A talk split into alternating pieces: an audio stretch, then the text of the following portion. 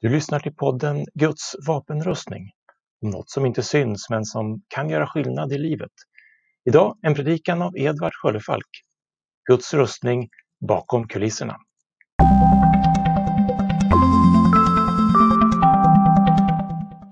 Följ med i en bibeltext ifrån Efesierbrevets sjätte kapitel, tionde versen till artonde versen. Det står så här. Hämta nu styrka hos Herren av hans oerhörda kraft. Ta på er Guds rustning så att ni kan hålla stånd mot djävulens lömska angrepp.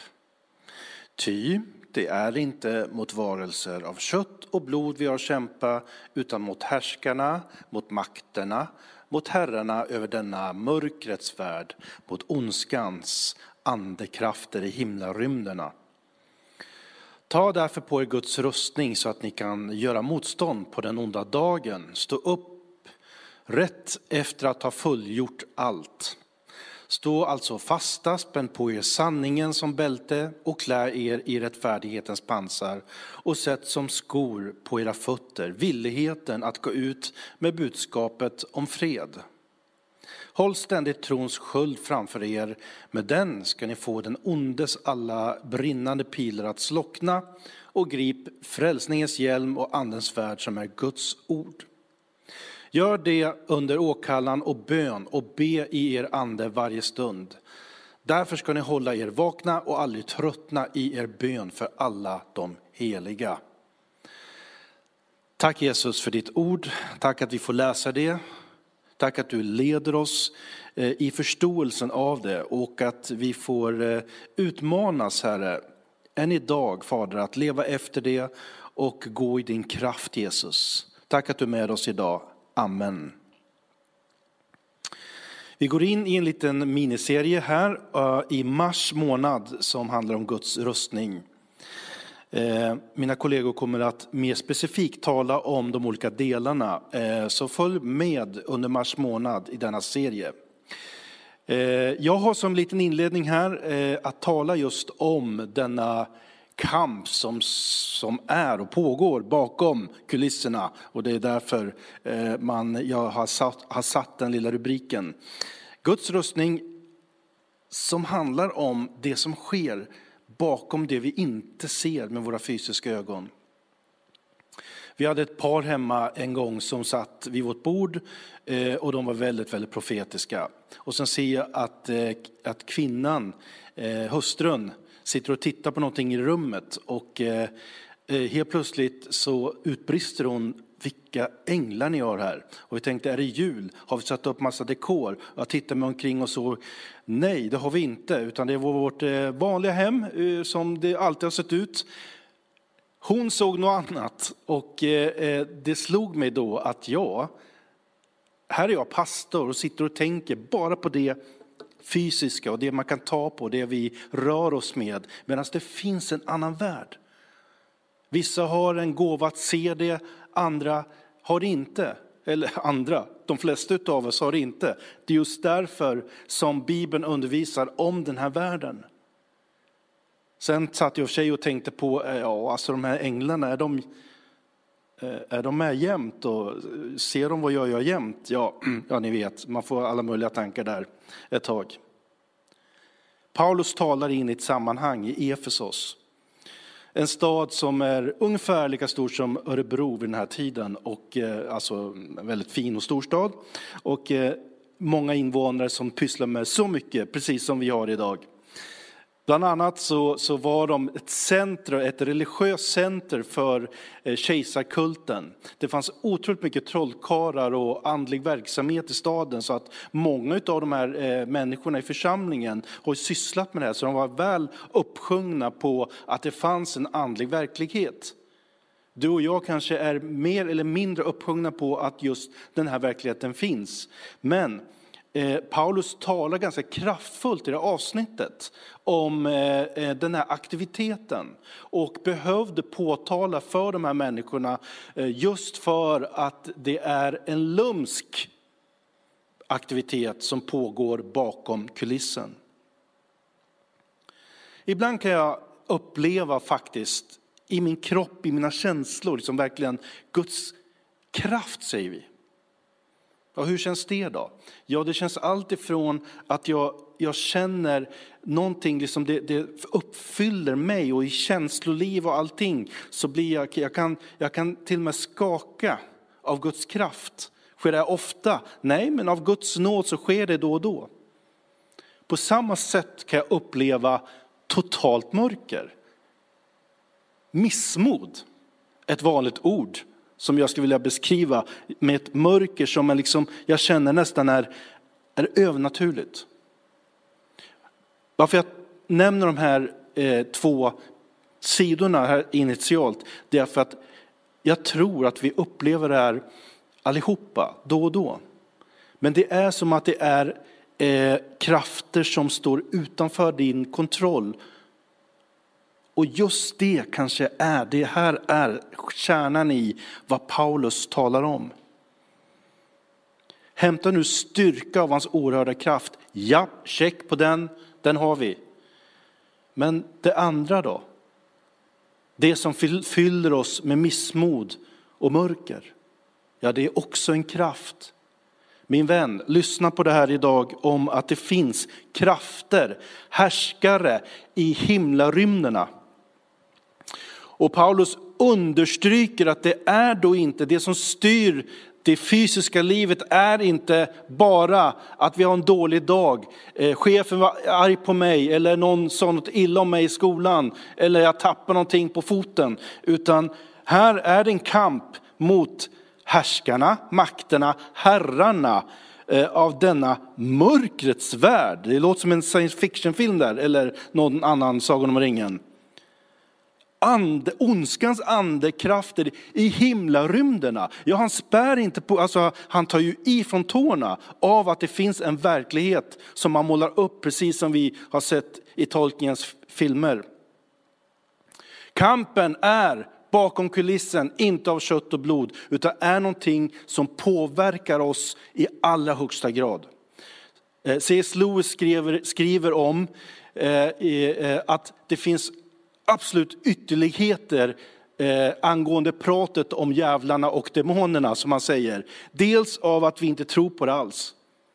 Ja, det ligger ju nära för många människor, liksom att vi, vi lever i en materialistisk, humanistisk, vetenskaplig värld där vi bara tror på det materiella. Alla känslor är elektroniska impulser och det finns eh, förklaringar, förklaringar, vetenskapliga förklaringar till allt.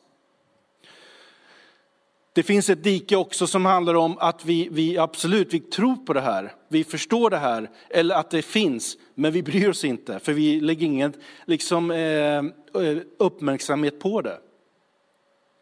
Och så finns det de som tror på det här och lägger all krut på det här och bara sysslar med det här.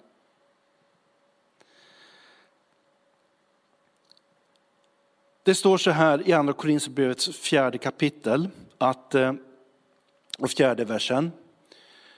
Ty denna världens Gud har förblindat förståndet hos dem som inte tror, så att de eh, inte ser ljuset från evangeliet om härligheten hos Kristus, Guds avbild. Det finns liksom, jag tror att det finns system i den här världen som har förblindat människor. Jag tror att eh, den här kampen om herraväldet, den pågår. Det finns system som har dragit genom världshistorien. Jag tror att Darwin var en av dem. Singer var en av dem. Jag tror att Nietzsche, eh, eh, Stalin, Hitler med flera har kommit eh, med idéer som har brutit ner denna värld, som har varit, haft demonisk ondska. Jag tror att det finns andemakter bakom idéer. Jag tror också så här att eh, det finns också en andlig verklighet bakom att helt plötsligt i vårt skolväsende så tog man bort kristendomsundervisning. Du tar bort talet om Gud. Du tar bort talet om att det finns en himmel och en annan plats som man kommer till som man inte blir räddad. Jag tror också så här att eh, helt plötsligt så har vi en utbildning för alla unga i alla generationer från eh, eh, mitten av 1900-talet som handlar om darwinism och som numera har gått övergått till könlöshet, gränslöshet och för, total förvirring på många områden. Och så sitter vi här och tänker, ja vad blir det av ungdomen som, som inte får, får några liksom vettiga gränser och tänka att så här säger Bibeln. Medan vi säger det så lägger vi ner söndagsskola på söndagsskola. Det forum där vi kan berätta om vår tro, om evangelium. Och så säger vi till slut, ja det här var ju tråkigt, det går ju åt fel håll. Medan Paulus säger att det finns mönster bakom våra handlingar. Det finns krafter bakom eh, det som vi upplever går åt fel håll.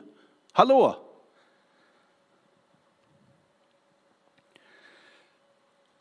Paulus säger också i Efesierbrevets femte kapitel och elfte vers så här.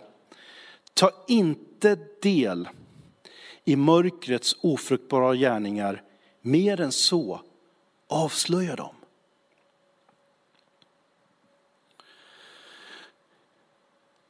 Det finns något som är ett begrepp idag som kallas för visselblåsare. Du och jag är kallade till att vara visselblåsare. Till en värld där det finns en kamp om idéer, om tankar. Paulus säger ju att han inte har fått vapen, världsliga vapen, utan kraft ifrån Gud att bryta ner fästen. Alltså kunskaper som, som reser sig upp mot kunskapen mot Gud. Sitter du där och du känner att du börjar reagera, sitter du liksom när du hör de här idéerna, viner omkring dig, att det finns ingen Gud. Det finns liksom ingen ordning i skapelsen, det finns ingenting vi kan hänga upp det på. Så, så, så hoppas jag att Guds ande gör att du reagerar någonstans i ditt hjärta och säger, det här tolererar jag inte. Jag tror på Guds ord som säger något annat att vi är skapta av en, en skapare, att vi har ett värde som människor. Och att det finns en väg som är den rätta vägen. En väg som är den rätta vägen. Jag tror också på att det ska sporra oss till att göra gott där det är ont, att visa kärlek där det finns hat, att eh, berätta om ljuset där bara mörker finns. Ja, men nu är det ju så att eh, många kristna inte tror på det här och vill inte, usch, måste vi prata om de här mörka krafterna? För mig blir det så här ändå, när jag läser om detta och eh, blir upplyst av Bibeln av att den här verkligheten finns, så blir jag motiverad att göra det goda. En pastor berättar för mig att, att, han, att det kom en, en, eh, en kvinna med, med hennes dotter som inte mådde bra. Men eh, ja, de trodde ju inte riktigt på Gud och det här så att eh, han fick inte prata om Gud eller Jesus. Och, och han träffade eh, dottern och hon mådde inte alls bra och det var många problem. Eh, och så skiljer oss åt och sen ringde kvinnan igen och bad pastorn att eh, tala med dottern igen, varpå han gjorde det. Men han fick inte prata om Jesus och Gud. En tredje gång kom de åter och då eh, sa han att du, alltså jag tror ju på att lösningen är att jag får tala om Jesus och Gud. Eh, det är ju det som är vägen och lösningen för den här dottern. Men hon, hon totalvägrade. Eh, sen, sen så, så ändå så, så sa han i en mening Eh, att berätta om Jesus ändå. Och det, jag tror att man, Gud, Gud tillåter det, eftersom det är just det här att vi reser oss upp mot det som går emot Guds system. Och vi står på hans sida och han står på vår sida. När han nämner Jesus för dottern så, märks, så börjar hon manifesteras. Alltså det börjar bli, hon ändrar ansikte och hon börjar skrika och ryta. Och det visar sig att hon eh, var besatt av demonisk aktivitet. Och han fick be en befrielsebön. Och de här blir troende. Det kan vara så enkelt av att vi upplever att, att omvärlden säger, tala inte om det här, berör inte det här. Medan fienden skrattar, eftersom det här är en andlig verklighet. Och när Paulus tar i från tårna för det här avsnittet så menar han verkligen att det är inte eh, eh, mot varelser av kött och blod vi kämpar. Det är bara liksom ytan utav det, utan det finns andra saker bakom kulissen. Vi kallar det till, liksom Jesus, att gå ut i världen och förkunna, att be för sjuka och befria, står det. Befria, allsina, vad är det då? Ja, det är precis som Jesus gjorde. Lika många som han förkunnade evangeliet för, lika många som han bad för sjukdomar, lika många befriar han från demonisk aktivitet. Det här är vad vi kallar det till. Och vet du vad? Vi har fått en röstning för det här också. Och ibland så tänker vi så här lite romantiskt kring, ja, det är ju fint, vi har en sköld och vi har ett svärd och vi sjunger sånger, vi har ramsor kring det här och, och skon och bälte och hjälm, ja fint och vi gör målningar. Men vet du vad, det är ju gjort för, en röstning är gjord för att det är, det är en kamp, det är, ett, det är en strid. Gud har kallat oss ut till den här världen. Men om vi inte vill gå ut, då är det klart, vi behöver ingen röstning. Vi kan gå i våra frottébyxor hemma och ha det lugnt. Men du som bejakar den här kallelsen har fått en röstning och därför är det viktigt att tala om detta. Det finns också en kamp. Alltså vi har fått en röstning för att det finns en kamp om herraväldet, men det finns en kamp också om våra själar. Livet är en kamp, livet är en strid och ja, det är en ramsa där som leder till något helt annat. Men, men jag vet att vi alla vet om detta, att, att livet är ju liksom, det sliter och drar och för det mesta sitter vi och funderar på saker och vi, vi, vi kämpar med saker. Vissa lyckas få ett drägligt liv ett, och vissa lyckas få ett jättebra liv, i alla fall enligt Instagram. Och många av oss har det väldigt kämpigt. Är allt då, är allt, handlar allt om att det är demonisk aktivitet? Nej. Och ja.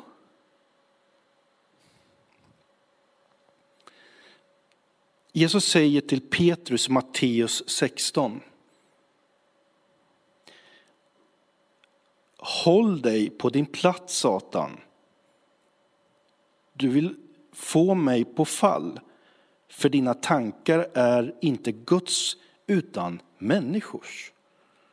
Ett av de mer förbryllande eh, verserna. Det är inte så att, att Jesus vänder sig mot en mörk demon som står där och hotar och har horn och allting, utan han vänder sig till Petrus och säger det här efter att Petrus har sagt att du måste vara Messias, Guds son och Jesus upphöjer honom så på dig ska jag bygga min församling. Och sen vid avsnittet efter så händer det här. Och man tänker, gode Gud, vad, vad, vad, man kan ju säga fel och man kan säga fel alltså. Här vänder sig Jesus till Petrus och säger, håll dig på din plats, Satan. Mm. Och då tänker man, hur ska vi tolka och predika över det här? Ska vi säga att, att Petrus blev Satan? Kan vi bli besatta som är kristna? Och så vidare. Man kan göra jättemycket av det här.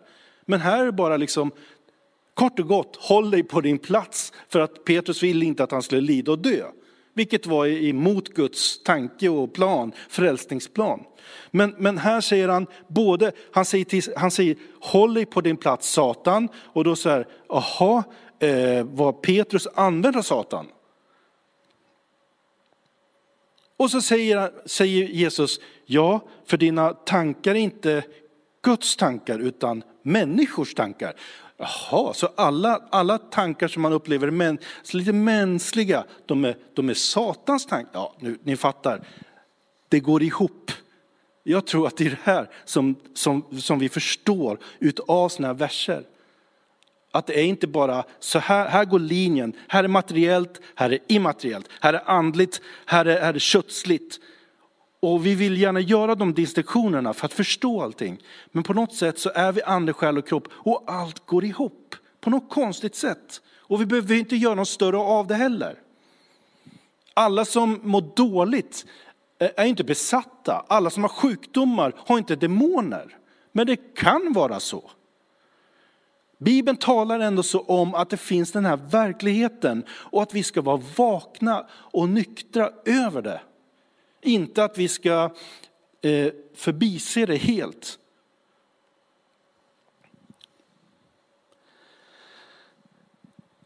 Det var en, en kvinna som berättade för mig att hon hade haft en dröm om, om en, eh, en tjej som har blivit våldtagen av sin far. Och eh, mötet som de hade dagen efter eh, så kom det fram en tjej och berättade precis det här. Att hon hade blivit våldtagen av sin far och hon hade alla möjliga diagnoser, bland annat eh, var hon, var hon bipolär. Men eftersom, eftersom eh, den här kvinnan eh, visste om det så sa hon det. Jag vet om att det är det här att du har, du har blivit våldtagen. Det visste jag redan innan för Gud har sagt det till, mig, det till mig. Och han har också sagt att vi ska be om befrielse från det här. Att vi ska bryta detta i ditt liv. Varpå hon la händerna på henne och bröt det. Och vet du vad? På något sätt så försvann den här diagnosen också. Det bipolära. Och då kan man ställa sig frågan, ja hänger det ihop att, att det här var en demon, var det andligt, var det bara ett, liksom något betryck från en osynlig värld? Eh, eller var det något fysiskt? Ja, vi får aldrig svar på de här frågorna. Men vet du vad? Att Gud befriar. Jesus befriar och det finns en andlighet bakom vårt, vår, vår psykiska eh, välstånd. Det är inte så sällan man hör ändå av människor som mår dåligt och vill ta sina liv, att de har röster. Det är inte så sällan vi hör eh, människor som pratar om sitt mörker, att de hör röster på något olika sätt. Och, och, och, då sitter man, jag sitter ju så här, ja, mm, ja mm, så här, lite tokig ungefär. Medan de påtalar att det här är en verklighet, att rösterna finns. Och de vill dra dem till mörkret. Jag tror verkligen att den här andligheten, den här andliga verkligheten, den är högst påtaglig. Inte minst vad det gäller våra själar. Det är en kamp om ditt och mitt liv. Och inte så sällan, ska jag säga, så kommer den här, blir den här andliga verkligheten verklighet mitt i mörkret. Men Jakob säger så här, Jakob 4 och 7 så säger så här. Böjer alltså under Gud, stå emot djävulen och han ska fly ifrån er. Närma er Gud och han ska närma sig er. Ah, vilken vers! Vi böjer oss under Gud, absolut vi fattar. Så säger han i samma mening, stå emot djävulen. Bara, hjälp, vad nu då? Vad då stå emot? Ja, det är precis vad han säger och menar. Stå emot alla de här tankemönstren som går emot vad Gud vill och vad Gud har sagt till dig och mig. Sätt på dig polisuniformen om du tänker dig så, eller någon militär uniform och så säger du bara stopp och belägg, jag tillhör Jesus Kristus. Eh, jag bryter dödens ande över ditt eller mitt liv. Det destruktiva över ditt och mitt liv. Eller det som vill förstöra dig och mig. Att man säger stopp och belägg. Jakob uppmanar inte läsaren att be till Gud om änglar och massa andra eh, som ska stå där, utan han säger till dig och mig, stå emot eh, djävulen och han ska fly ifrån dig. Därför att det står också så här att vara vaksamma och nyktra. Er fiende djävulen går omkring som ett rytande lejon för att ja, sluka var och en. Det är en kamp om din och min frälsning också. Du blir extra intressant för, för, för fienden den dag du tar emot Jesus Kristus. Och det står att, att Satan vill gärna komma och ta de här fröna som sås hela tiden av Guds ord i ditt och mitt liv. För att få bort oss ifrån tron. Frågasätter vad Gud har sagt, frågasätter din tro, frågasätter din vandring, fyller dig med missmod.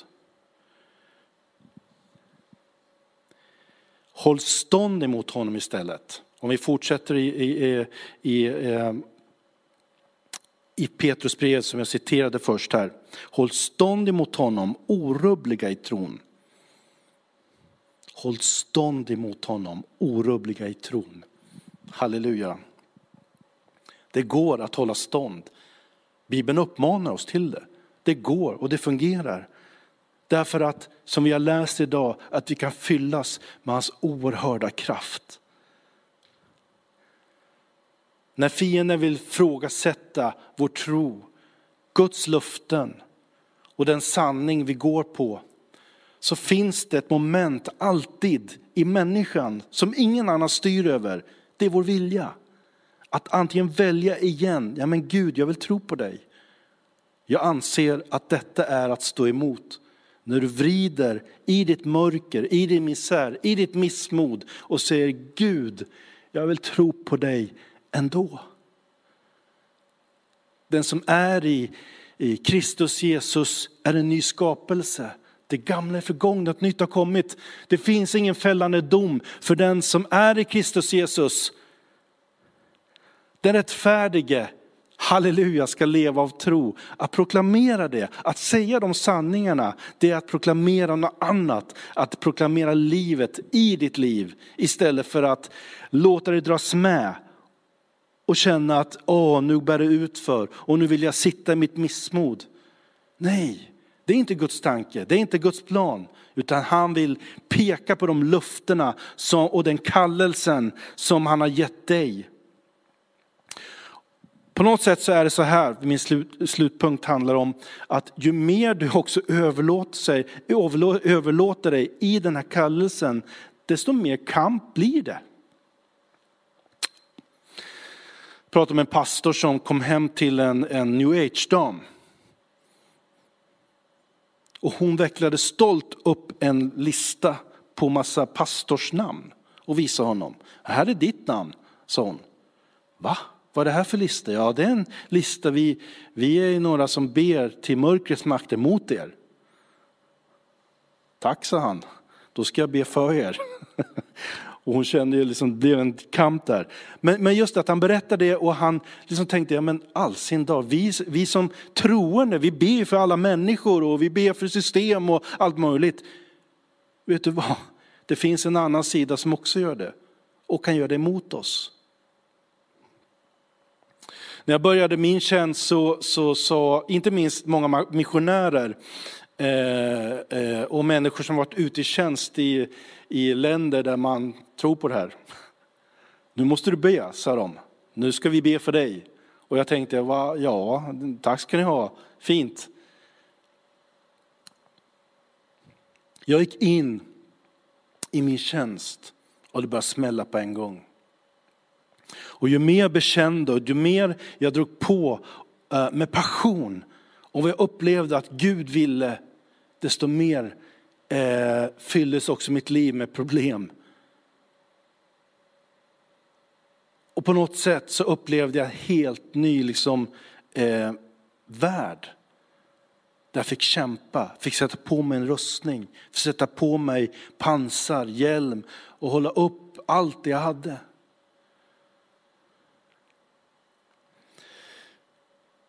Att vara kallad är en förmåd det är fantastiskt att du har en mening och en inriktning i ditt liv. Men det innebär också, som ett brev på posten, att det kommer en kamp. Och varför vi har fått en rustning, det är just för att det finns en kamp. Annars skulle inte Paulus skriva om det här. Det skulle ju liksom vara, aha, vad, det här var ju fina verser, jag kan ju läsa rakt upp och ner och läsa för fina barn och så vidare. Men bakom detta så visar det liksom att det finns en andlig verklighet där det smäller på. Och ju mer du vill, eh, desto mer kan det smälla på. Och säger man det eh, så kan det låta som en skrämseltal eh, det här. Det är bättre att som sagt sitta stilla och inte göra någonting. Nej, nej, nej. Grejen är att vi har fått en rustning och den ska vi höra om här i mars. Att ta på sig rustningen, att använda rustningen. En kvinna berättade att, att hon hade haft en, en, en, eh, här i veckan eh, en fantastisk, eh, när hon var i ett arabland och evangeliserade och hade sån framgång. Så självklart på hemresa så tappade hon biljetten och många saker hände. Och på något sätt så sa hon bara nyktert att ja, jag visste ju det här eftersom att fienden var arg på mig. Arg på det som hade hänt. Men det, hon visste det, hon var förberedd för hon uppsjungen på att det fanns en andlig verklighet. Så trots detta så kunde hon vara jublande glad och tänka att wow, jag är använd av Gud. Metodismens eh, grundare John Wesley, han sa ju så här, han red på sin häst och han hade gått flera dagar utan att någon varit arg på honom. Så han, så han undrar om han var utanför Guds vilja till och med. Och så, så hoppade han av hästen, satt, böjde knä och bad. Och då var det en man som kände igen honom och började kasta sten på honom. Och John Wesley han steg jublandes glad upp på sin, sin häst igen och red därifrån. Man kan se olika på det här naturligtvis. Men kampen blir verklighet. Men om du och jag har kunskap om detta så är vi inte rädda, vi är inte missmodiga. Vi, fyll, vi fyller oss med Guds kraft genom den heliga Ande. Proklamerar eh, sådana påståenden som Bibeln säger från Kolosserbrevets andra kapitel eh, och 15 vers. Att han avväpnade härskarna och makterna och utsatte dem för allas förakt. När han triumferade över dem genom Kristus. Tack Jesus. Jag tycker att det här, liksom, när man läser de här det här påståendet, den här bibelversen i ljuset av den här andliga kampen så fylls jag ändå så av mod. Jag fylls av att, eh, en, en syn utav att jag står på en vinnande sida. Jag älskar att titta på gamla idrottsfilmer eller idrottsmirakel, för man vet hur det går. Att man vet att mitt lag kommer vinna. Det här kan jag se igen och igen och igen. Jag förstår inte de här djävulsstyrkorna och, och new age och annat som håller på med krafter som kommer att förlora.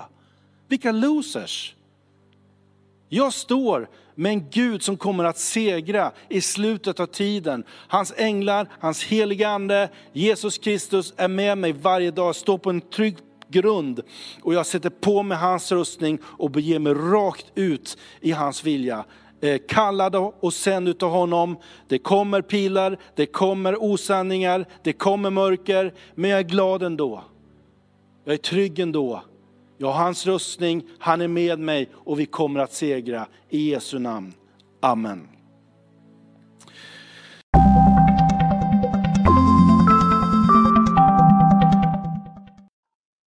Du har lyssnat till podden Guds vapenrustning med Edvard Sköllefalk från Pingstkyrkan i Örebro.